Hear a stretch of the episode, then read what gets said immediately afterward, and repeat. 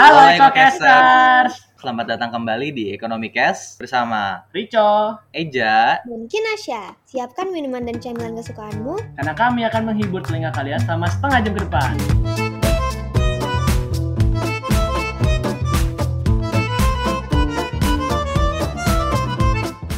Halo, Halo, Ekokasters. Nah, nih kita Asik. kembali lagi bertiga di podcast. Ah, gue udah, gue kemarin lupa banget ngomong yang podcast nomor satu di alam semesta, Pak. Soalnya nggak bertiga lagi, cow. Ada orang baru terus dari kemarin. Kalau bertiga pasti Oh, iya. ingat. Oh iya benar juga. Ya kali ini kembali lagi di podcast nomor satu di alam semesta. Nah kita kita sudah berapa episode ya tidak bersama bertiga gitu loh. Kayak dua ada ada ada aja ya kejadian yang gua nggak ada, Kinasya nggak ada, Ricardo nggak ada. Ya gitu. Ganti-gantian. It's, Shift shiftan. it's good to be back bro. It's good to be back. Nah anyway jadi kita hari ini mau ngomongin satu topik yang sensitif ya. Apa tuh? Kayak sensitif mulu yang kita bahas nggak sih? Enggak. Tapi ini kan spicy. waktu itu sempet, iya tapi ini spicy sih. Enggak Ini waktu itu kita sempet kayak ngomongin soal PDKT lah, soal apa Oh, kayak ah iya. itu semua topik-topik cere gitu loh. Love life, love life. Iya, nah hari ini kita mau ngomongin sesuatu yang menabrak batas love life karena ini, Waduh, waduh, apa nih? Ada apa nih? ya gitu dah. Kita pokoknya nggak usah basa-basi lagi. Pokoknya kita hari ini mau ngomongin soal prostitusi gitu loh. Hmm, spicy ya. Nggak spicy spicy amat sih sebenarnya biasa aja kalau kita di di negara-negara lain gitu ya. Gua nggak tahu sih di mana aja. Cuman ya intinya di sini masih dianggap tabu lah prostitusi ini. Jadi buat kalian yang mungkin tinggal di Goa gitu, ekocaster yang tinggal di Goa atau nggak tahu apa sih prostitusi, apa sih prostitusi, ya intinya adalah apa ya? Untuk menjelaskannya secara singkat itu prostitusi adalah Jual jual beli jual beli badan. Iya, jual beli kelamin. Kita Nah, iya, kita trade off ya an- antara uang kita dengan kepuasan eh, Nah. bersenggama gitu. Nah, itu deh intinya Asik. prostitusi. Jadi Bahasanya ya, halus ya, bersenggama. betul. Kita nggak boleh ngomong kasar di sini. Nggak. Kemarin juga udah sempet tuh di episode kemarin gue sempet ngomong eh, di episode selanjutnya kita bakal ngomongin yang porno-porno. Nah, ini bener ngomongin porno-porno sedikit lah ya. Dari si- dari sneak peek ya dari dari episode minggu lalu. Ya, itu. Nah, intinya prostitusi itu kayak tadi yang gue bilang. Terus kayaknya apa ya, walaupun ini kesannya tabu dan ilegal gitu ya, tapi tetap ada gitu loh. Ada banyak pak di Iya. Melawai ada Sarkem, Saritem. yang Ya, terkenal banyak lah terkenal ya. tuh kan. Tapi Iya. menurut gua di luar Yang dulu digusur juga ada kan. Ah iya, Gang Iya, iya. Doli dulu. Iya. Betul betul. Nah, tapi menurut gua nih walaupun udah digusur gitu, terus kayak tadi kan tempat-tempat yang cukup terkenal kan ya kalian sebut gitu kayak kayak di pinggir-pinggir kota besar tuh selalu ada nggak sih kayak ibaratnya tempat-tempat yang cukup remang-remang gitu di Gelap. kota-kota besar. Gelap-gelap. Iya. Pasti selalu ada aja Iya. yang kayak gitu-gitu. Kayak di Bandung ini, di Bandung di Jalan Braga kalau lu malam tuh lewat banyak banget pinggir jalan. Pokoknya ya pokoknya di mana ada ada di mana ada gula ada semut aja gitu loh. Betul betul Pasti sih. ada. Di demand supply ya, demand supply. Demand, demand supply bener banget. Karena ya apa ya? Gue pernah baca nih, prostitusi itu udah ada sejak 5000 tahun yang lalu anjing. Manusia tuh udah sebelum- mengenal konsep konsep perdagangan alias menukar menukar alat tukar ya waktu itu gua nggak tahu nggak pakai duit mungkin pakai kerang kayak atau makanan gitu dengan kepuasan bersenggama anjing udah ada dari dulu ternyata sebelum Gila Masehi ya. ya. 5000 tahun lalu Iya. berarti sebelum Masehi kan? Oh, sebelum Nice. Masehi lah nggak maksudnya gua gua ini aja sih gua suka kadang-kadang terkesima gitu loh kenapa manusia sangat menyukai seks gitu tuh kayak seks drive-nya tuh Tinggi gila anjing, banget ya. jelas Iya betul. Bre, kalau dipikir-pikir itu jadi kayak sesuatu yang natural banget gak sih? Maksudnya udah ibaratnya manusia tuh udah berkembang sejauh itu. 5000 tahun kan ya pemikiran, terus juga Iya. teknologi dan sebagainya tuh udah berkembang, tapi ya ini tuh masih di- masih ada gitu, masih bertahan sampai sekarang. ah ah, makanya gila banget anjing Oh ya kan juga udah dibahas tuh sama Maslow. Kalian tahu kan yang segitiga itu hierarki Maslow yang hierarchy. human needs itu loh. iya iya tahu tahu Iya, Maslow Ekonomi banget nih. needs itu juga paling bawah yang paling basic. Yang paling basic kan ada physiological needs tuh itu termasuk makanan, minuman, kayak oksigen, terus eh, istirahat, terus sama termasuk seks juga. Jadi mungkin itu salah satu yang menyebabkan apa ya kayak dari tahun dari 5000 tahun yang lalu udah ada karena itu termasuk basic needs. Nah, Karena tapi memang kalau sekarang manusia difitrahkan begitu gak sih? mungkin ya. Apa lanjut Kin, Gue lanjut nggak tahu sih. Hmm. Ini kan perlu aturan juga nggak sih? Karena kalau dilihat-lihat sekarang banyak mulai banyak kayak kekerasan seksual lah, terus atau ya malah juga mulai banyak penyakit menular seksual gitu kan. Jadi harus diatur dong. Itu kalau di kita sekarang ada nggak sih peraturannya? Terus Oh, kalau eh, mm-mm. ada sih aturannya. Cuman cuman begini deh sebelum kita ke aturannya nih. Eh gua gua kepikirannya kayak lu bilang tadi harusnya diatur. Iya, gua mm, setuju kalau harus diatur, tapi bukan dilarang gitu loh. Kenapa harus dilarang ya? Karena di kalau misalkan dilarang ya? Iya dilarang lah, jelas banget kayak Ilegal nggak sih kayak ada Indo tuh? pasal iya kayak ada pasalnya nih yang apa namanya pasal 298 KUHP. Itu kan dia bilang bahwa siapa aja yang menjadikannya sebagai mata pencaharian atau kebiasaan terus ngambil duit lah intinya dari kegiatan cabul dalam tanda kutip dilakukan oleh orang lain dan ancaman pidananya itu maksimal bla bla bla. Pokoknya nggak boleh gitu loh ada hukumnya. Maksud gue kayak yang bahkan kayak OnlyFans atau lu bikin bikin konten-konten porno itu aja udah nggak boleh gitu loh. Karena di pasal-pasal lainnya pasal 417 misalnya ayat 1 setiap orang yang melakukan persetubuhan dengan orang yang bukan suami atau istrinya dipidana dengan perzinaan maksud gue kayak ya lu nggak punya celah lagi di luar dengan istri lu atau suami lu gitu loh. Ketika sih? Maksud gue gue setuju kalau harus diatur. Tapi kalau untuk dilarang sepenuhnya gitu kayak di sini agak aneh gak sih? Kayak apa gunanya lu larang gitu loh? Menurut pada gimana nih? Um, biasanya mungkin gara-gara ini ya, gue pernah gitu wawancara sama eh, seseorang eh, yang juga ngomongin apa ya, sex education gitu. Nah, dia tuh Mm-mm. bilang kalau susah gitu buat melegalisasi karena di Indonesia tuh agama sama negara tuh nggak bisa dipisahkan. Jadi mungkin ada faktor itu juga. Jadi kalau misalnya kita mau ngomongin pro kontranya, kita harus gimana ya? Nggak bisa gitu loh. menghindari Kak. Heeh. atau enggak atau enggak kita kalau misalnya mau ngomongin nggak usah ngomongin agama gitu loh di luar itu mungkin nanti oh kita iya juga iya kalau iya ngomongin ini disclaimer dulu nggak harusnya kita disclaimer di awal gak di sih? awal. Ya udah. Udah ya ya udah lanjut lanjut lanjut.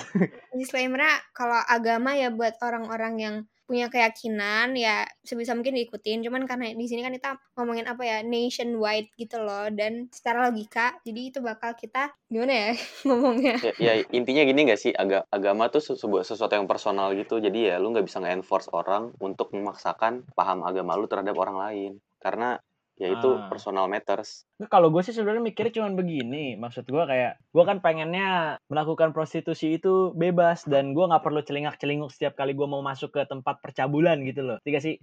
Ya maksud gue paham kayak paham. lu melarang ini melarang itu atas dalih agama kan dibilangnya. Tapi kan kalau menurut gua lu kalau emang kagak mau masuk ya udah. Kalau lu emang percaya dengan agama lu ya udah gitu loh kak. Gue yakin orang beragama beneran juga nggak akan ke sono ngerti gak sih? Iya paham tapi kenapa kenapa lu nggak bisa eh, maksudnya di Indonesia tuh kenapa nggak bisa bikin satu regulasi buat orang-orang yang ya udah gitu loh yang mau. Tapi ya apa namanya mungkin karena ini juga sih karena kepercayaan bahwa misalkan satu atau dua orang melakukan dosa bisa satu kota kena azab gitu lo tau gak sih? Aduh aduh udah tahu tahu tahu. Tapi mungkin gue gara-gara ya itu kali ya. Ya, kalau kalau pandangan gue aside di luar sesuatu yang personal kayak agama gitu ya gue melihatnya bahwa uh, legalisasi sebuah prostitusi itu bukan sesuatu yang good deals gitu loh. Even though lu pajakin nih rumah-rumah bordil nih dipajakin sama Pemda atau sama Pemprov. Dulu tuh pernah deh setahu gue di Jakarta tuh rumah bordil tuh sama klub-klub gitu di dilegalin zamannya waktu Ali ini Ali zaman Bang iya Ali zaman sih? Ali Sadikin. Ali iya. Sadikin. Iya Ali ya nggak sih? Sadikin. Iya iya Ali ngabalin ya. siapa nyet? Sama sama Bang Ali maksud gue kan sebutannya Bang oh Ali iya dulu iya iya.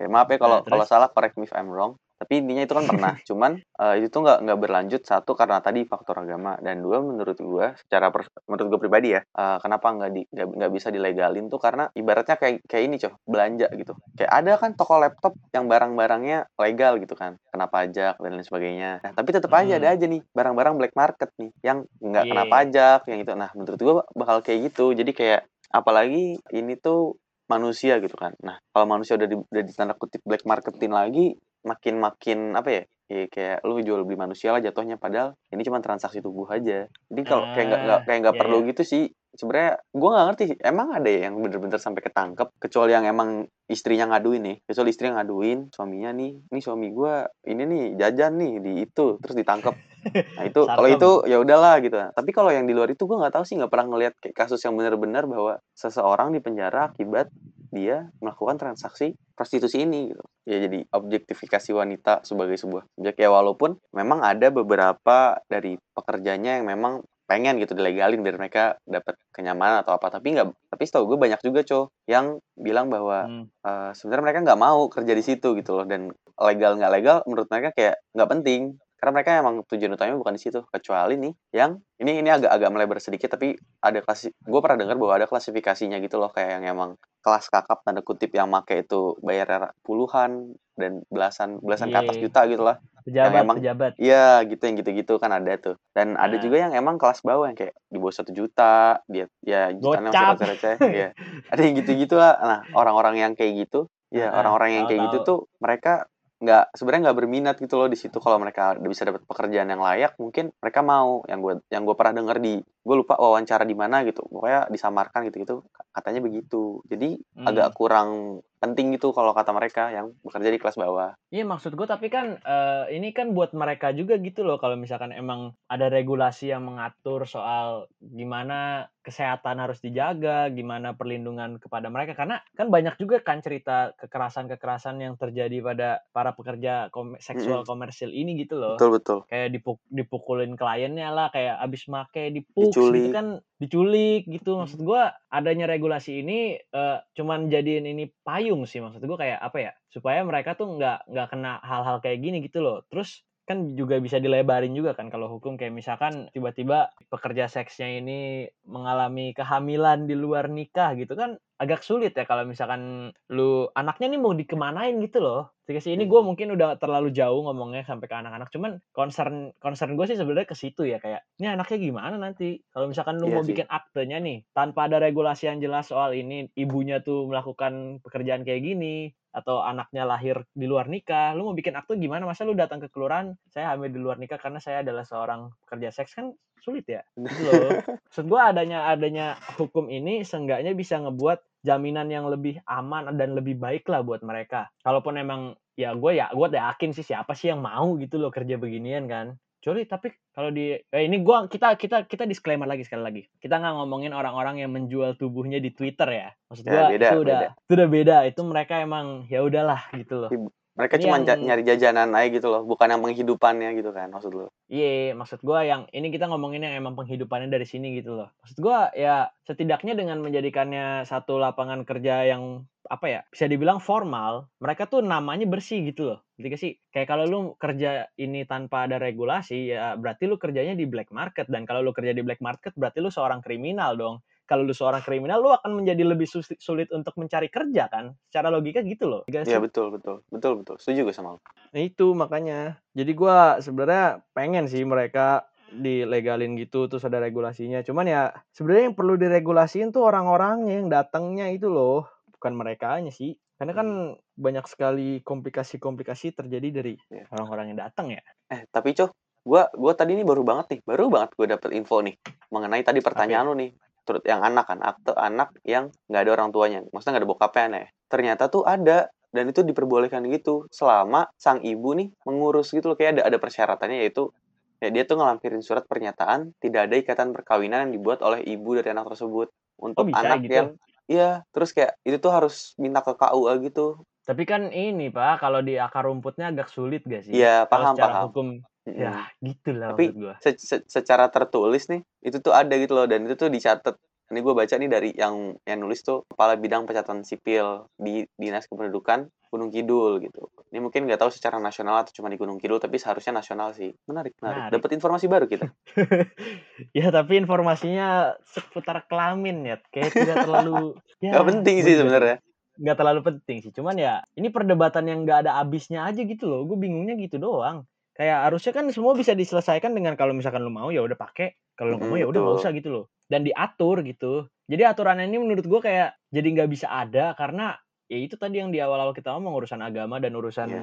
negara biasanya jadi nggak bisa lepas gitu. bener banget kayak diomongin Kinasya. kita tuh kita tuh demokratis tapi kayak masih teokratis gitu loh. Kayak agama tuh iya. mempunyai peran besar walaupun nggak secara gamblang agama mayoritas gitu atau agama tertentu lah sebut saja. Itu eh, memberikan influence-nya terhadap aturan pemerintah ya kan Nah, tapi in, Mm-mm. praktikalnya menurut gue pribadi ya ini bukan menurut F, menurut Ekokes atau menurut BOE tapi menurut gue pribadi secara praktik gue melihat perpolitikan yaitu membahas eh kita nih kita ngelantur jauh banget nih lanjut ya balik lagi balik lagi ya udah kita balik lagi deh nih ngomongin prostitusi ini. Tapi sebenarnya kalau dalam hati gue sendiri ya, apa ya? Walaupun gue pengen mereka tuh mendapat penghidupan yang lebih baik, mendapatkan aturan yang lebih baik. Cuman kalau dibalikin lagi ke misalnya nih eh, amit-amit ya, misalkan sanak saudara atau siapa yang lu kenal gitu ke sana, ngerti gak sih? Mm-mm. Bukan ke sana as in make, tapi as in kerja Kerja. Iya, iya. Ngerti gak sih? Oke. Amit-amit tapi ya. gitu loh, amit-amit tapi ya. Maksud gua sebenarnya gua gua gue pro-nya dengan hal itu karena gue mikirnya gitu sih. Gimana kalau misalkan emang ada orang yang gua kenal jadi ke sana gitu loh. Tentunya kan ya gua tidak mau dia terlantar, tidak mau apa karena aduh gua jadinya kayaknya episode kali ini gue terlalu emosional deh. Iya sih. Eh, ya gitu tapi- deh intinya. Tapi gue sedikit penasaran ya, maksudnya kan ini kan kita sebagai cowok ya, yang mana ya walaupun tidak menutup kemungkinan perempuan juga ada yang menggunakan jasa ini ya. Cuman kan kayak banyaknya itu kan cewek nih yang menjadi pekerjanya nih. Nah kalau menurut lu gimana Kin? Kayak tanggapan lu terhadap ini semua gitu? Oh, kalau menurut gue jadi uh, pertama demand supply ya, karena mungkin banyak demand dari laki-laki dan kebanyakan juga orang straight kan di sini masih. Jadi Ya. kerjanya perempuan gitu.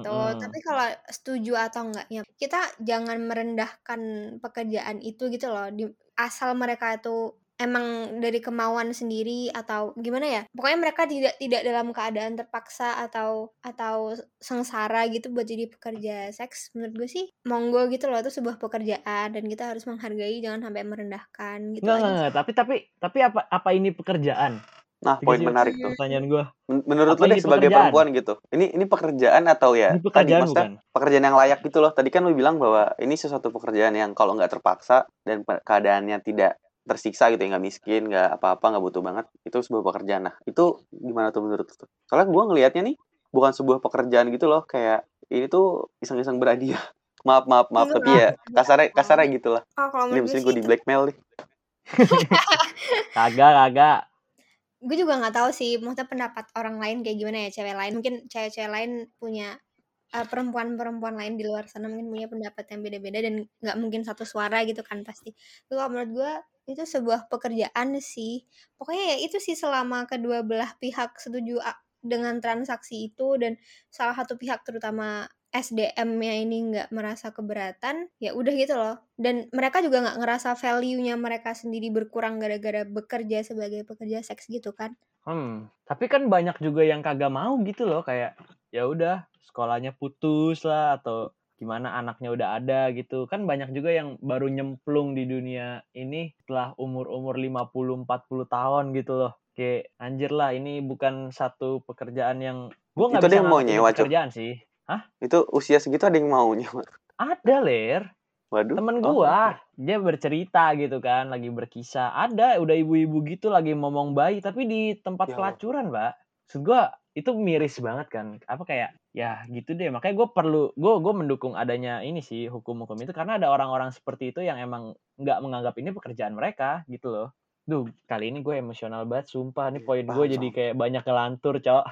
Oh lagi ini ya, lagi banyak simpati sama anak kecil ya kayaknya lo. Iya, bocah-bocah gitu. Padahal gue jarang banget kan simpati ya. Cuman kayak melihat mereka anjir dah ini udah gede gimana coba. Udah berumur kebanyakan ini gak sih cow anak-anak yang lahir amit-amit maksudnya nih gue sorry banget kalau salah ngomong atau gimana cuman yang yang biasa gue lihat nih anak-anak dari hasil begituan tuh pasti jadi kayak kurang Nah, iya. kurang berkembang gitu loh maksudnya kesempatan mereka untuk menjadi anak biasa tanda kutip itu jadi nggak ada gitu kan kayak sekolah jadi Iya. susah karena stigma dibully teman-temannya itu kalau mereka Mm-mm. sekolah kalau mereka banyak Halo. juga kan yang nggak sekolah gitu kayak jadi Iya, maksud gua ngamen kal- dan lain sebagainya Ah, gitu karena karena mereka udah udah udah sejak kecil dekat dengan dunia gelap ini gitu loh. Maksudnya kayak kalau misalkan nggak ada regulasinya kayak sekarang ini, kan banyak kan mami-maminya dalam tanda kutip. Ngerti gak sih? Kayak yang punya-punyanya gitu loh. Itu pasti anak-anaknya kan gimana ya? Antara-antar disuruh buat jadi ya kayak lo bilang tadi jadi pengamen atau apa. Ya kayaknya kemungkinan besar juga nggak disekolahin gitu loh. Kecuali pemerintah turun tangan. Ngerti gak sih? Mm-mm. Tapi tapi sebenarnya ini agak agak apa ya? Makanya kon- mungkin butuh apa? emang emang butuh perlindungan sih. Tapi ya gue dari tadi bilang kayak gue mengarah ke gue setuju, cuman in a way gue tuh ngerasa kalau di Indonesia masih masih susah gitu buat di dilegalisasi Hmm. ketidakmungkinan gitu loh karena Nggak, dari nggak, tapi- dari society-nya ah. sendiri juga kan kalau lo ngomongin stigma terhadap anaknya tuh kan juga juga uh, sumbernya dari masyarakat gitu loh yes dan masyarakat society-nya kita masih kayak gini heeh, Iya masih iya. Nggak, tapi kalau kita ini deh kita kita buang semua pemikiran kita tentang Indonesia, terus kita mengandai-andai satu dunia di mana kita boleh-boleh aja membuat aturan gini. Lu menurut lu Belanda kalau nggak salah legal deh. Kalau nggak salah di Belanda itu legal deh. Oh iya. Sampai ada museumnya anjir kalau nggak salah ya, mu- museum prostitusi gitu. Oh. sebe- sebebas itu di Belanda. Isinya apa? Isinya apa anjing? gue. nggak tahu gue pernah dikasih lihat sama temen gue yang lagi exchange gitu. Kayak ih Ja, di Belanda ada museum beginian. Iya, maksud gua emang kita bisa gitu kayak gitu. Menurut lu pada dilegalin apa enggak? Apa dibiarkan saja seperti ini gitu loh? Hmm. Eh, Kalau menurut gue pribadi di luar moral ya, di luar uh, basis agama dan sebagainya, gue tetap menolak sih. Karena kalau gue ngelihatnya itu satu selain objektifikasi wanita, maksudnya ini nggak, oh ya sorry, mungkin disclaimer lagi ini nggak harus ke cewek, nggak harus ke cewek, objektifikasi manusia sih, maksudnya ya lu nggak cewek nggak cowok kan pasti ada aja yang ngejual badan gitu kan, kayak kan ada ada Mm-mm. apa tuh yang cowok gue lupa namanya, gigolo, gigolo. ya itu gigolo, terus ya kayak Mm-mm. gue ngelihatnya mereka itu yang melakukan hal tersebut tuh sebagai apa ya mereka-mereka yang udah pasrah gitu loh sama dunia ya udah shortcut aja ini padahal mereka bisa Hmm. ngembangin diri mereka cuman mereka nggak dapet kesem- mungkin mereka nggak dapet kesempatan atau ya balik ke diri mereka malas mungkin ya tapi gue lebih melihat bahwa mereka tuh punya kesempatan lain punya kemampuan Hmm. lain gitu loh untuk diberdayakan cuman karena manusia selalu pragmatis maunya yang cara paling gampang ya mereka ngelakuin itu jadi kalau menurut gue itu bukan sebuah pekerjaan yang layak gitu loh Jadi menurut Dan- nggak perlu dilegalisi Enggak, nggak perlu. Iya, dan nggak seharusnya Hmm. ada sih menurut gua. Nggak harus diuangin gitu loh kayak ya udah tos-tosan aja. Gua tadi mikir juga sih kayak pernyataan lu gimana, ya udahlah biarin aja karena kalau dipikir-pikir juga emang effortnya buat ngebuat ini jadi legal itu gede banget gitu loh. Lu harus mulai dari normalisasi seks bebasnya, lu harus membuat Nah, apa ya Itu aturan-aturan lagi yang entah kucuran dananya tuh seberapa banyak gitu loh. Cost cost benefitnya tuh kurang gak sih? Kayak Iya. udah keluarin duit segini banyak costnya buat terlalu tinggi. yang- Benefitnya Iya, nggak tapi- ada. Benefitnya nggak ada juga sebenarnya buat masyarakat ya maksudnya buat masyarakat dan buat kita kitanya gitu loh cuman kalau buat Kalau ada pajak doang sih, itu doang. Pajak juga paling nggak seberapa Iya. gede. pajak juga iya maksud gua kayak kalaupun emang dilindungi undang-undang segala macam tapi menurut gua tuh pasar gelap bakal selalu ada tetap soal ini gitu loh karena kalau diregulasiin dan diambil pajak otomatis harga lebih naik dong ya Iya, kan? betul. Dan bakal ada prostitusi-prostitusi lain yang jauh lebih murah yang gelap gitu loh. Jadi Ya, sebenarnya dan- cuman bedanya kayak kayak lu jajan di pasar tradisional dan di pasar modern gitu. Yang legal tuh pasar modern bagus, terus adem. Yang satunya lagi yang tidak diregulasi dan pasar gelap ini ya pasar tradisional becek, kotor gitu-gitu.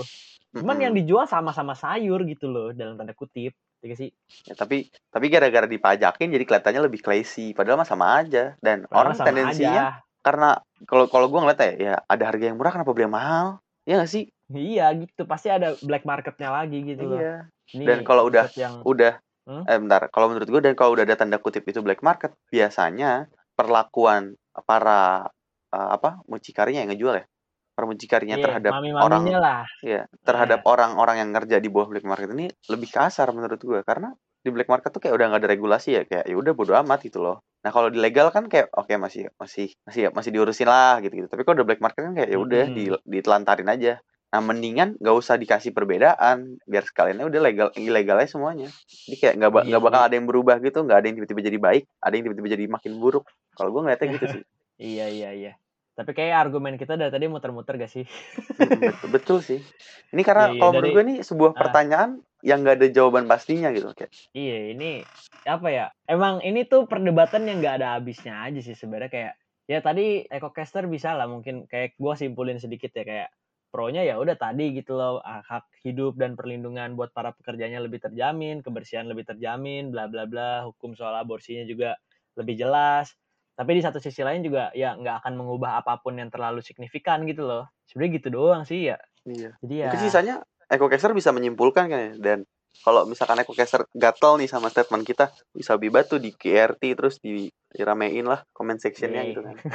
ya ini kita open ended aja lah udah begini aja deh soalnya gue juga agak bingung sih untuk menyikapi kayak gini karena gue nggak tahu apa ya karena setiap orang tuh beda-beda gitu loh ada orang yang emang pengen duit cepet ada orang yang emang bener-bener hidupnya udah nggak bisa apa lagi misalkan suaminya sudah meninggal anaknya ada tiga tidak bisa apa-apa karena sejak kecil berada di rumah dan gitu-begitu segala macam gitu loh maksud gue banyak banget faktor yang bisa ngebuat orang jadi seorang pekerja seks komersil dan gue nggak pengen ngejudge gitu loh Tapi buat ngambil stance di sini benar-benar susah kalau lu nggak ngejudge gitu. Jadi ya, gua rasa cukup kali segini aja kali ya. Konklusinya adalah Iya. ya masing-masing dah. Iya, itu tadi konklusinya udah sebenarnya. Ada ada yang mau diomongin lagi gak?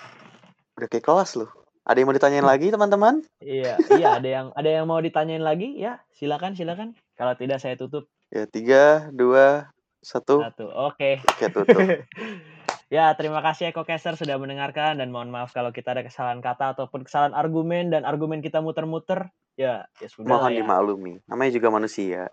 Namanya juga manusia. Ya, kalau kalian kalau kata kalau di Alkitab dibilang kalau kalian tidak berdosa, boleh silakan lempar batu duluan. Tapi Eko Caster tidak mungkin tidak berdosa, jadi tidak usah ngejudge kita anjay. Ya pokoknya gitu deh. Sorry sorry kalau misalkan ada salah-salah dan tetap dengerin kita di episode-episode selanjutnya.